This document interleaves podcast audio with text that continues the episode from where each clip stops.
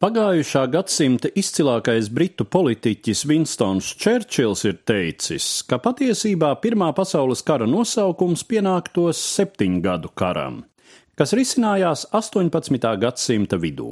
Patiešām tas bija pirmais karš, kurā piedalījās visas tā laika nozīmīgākās Eiropas valstis, un pirmais karš, kura kaujas notika kā vecajā, tā jaunajā pasaulē, kā ziemeļu, tā dienvidu puslodē un tas sākās ar karaļa Friedriha II vadītās prūšu armijas iebrukumu Saksijā 1756. gada 29.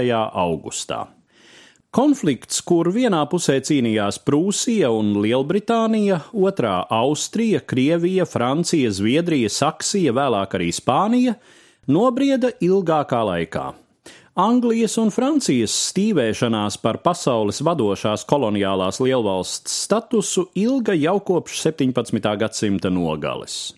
Eiropā iepriekšējā desmitgadē bija risinājies Austrijas mantojuma karš, kurā Austrijas imperatore Marija Terēze ar militāru spēku apliecināja tiesības uz sava tēva troni, taču kritiskā brīdī bija spiesta atdot Prūsijai Silēziju, teritoriju tagadējās Polijas dienvidrietumos.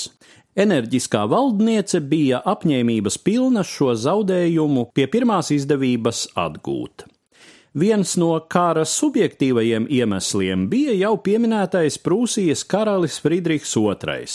Vīrs ar imperatora ambīcijām un karavadoņa azartu, un arī, kā mēs šodien teiktu, visai nekaunīgs vīriešu dzimuma šovinists. Viņš nelaida garām iespēju izteikties par, kā viņš teica, bābiešu valdīšanu dažās citās valstīs, ko visnotaļ personīgi uztvēra tā laika vadošās Eiropas politiķes, gan jau pieminētā Marija Terēze, gan Krievijas cariene Elizabete, gan Saksijas kurfirsta kundze Marija Jozefa un Francijas karaļa Luija 15. metrese Marķīze de Pompadūra. Kāds tā laika teiciens vēsta: ja citas ir valstis ar savām armijām, tad Prūsija ir armija ar savu valsti. Patiešām Friedriha II tēvs, karalis Friedrichs I, bija padarījis Prūsiju un tās armiju par perfektu organizatorisku veselumu. Savukārt Friedrichs II prata tam laikam pārsteidzošā ātrumā pārvietot savus salīdzinoši nelielos spēkus pa centrālu Eiropu, sakaudams pretinieku armijas citu pēc citas un reizēm uzvarēdams pat trīskāršu pārspēku. Brīžiem gan šķita, ka viss karājas mata galā kāpēc kaujas pie Kunersdorfas 1759. gadā pret grāfa Saltikova komandētajiem Krievu un Austriešu spēkiem. Galu galā ap 1762. gadu Prūsijas resursi tomēr sāka izsīkt. Bet Friedrihu glāba laimīga apstākļu sakritība.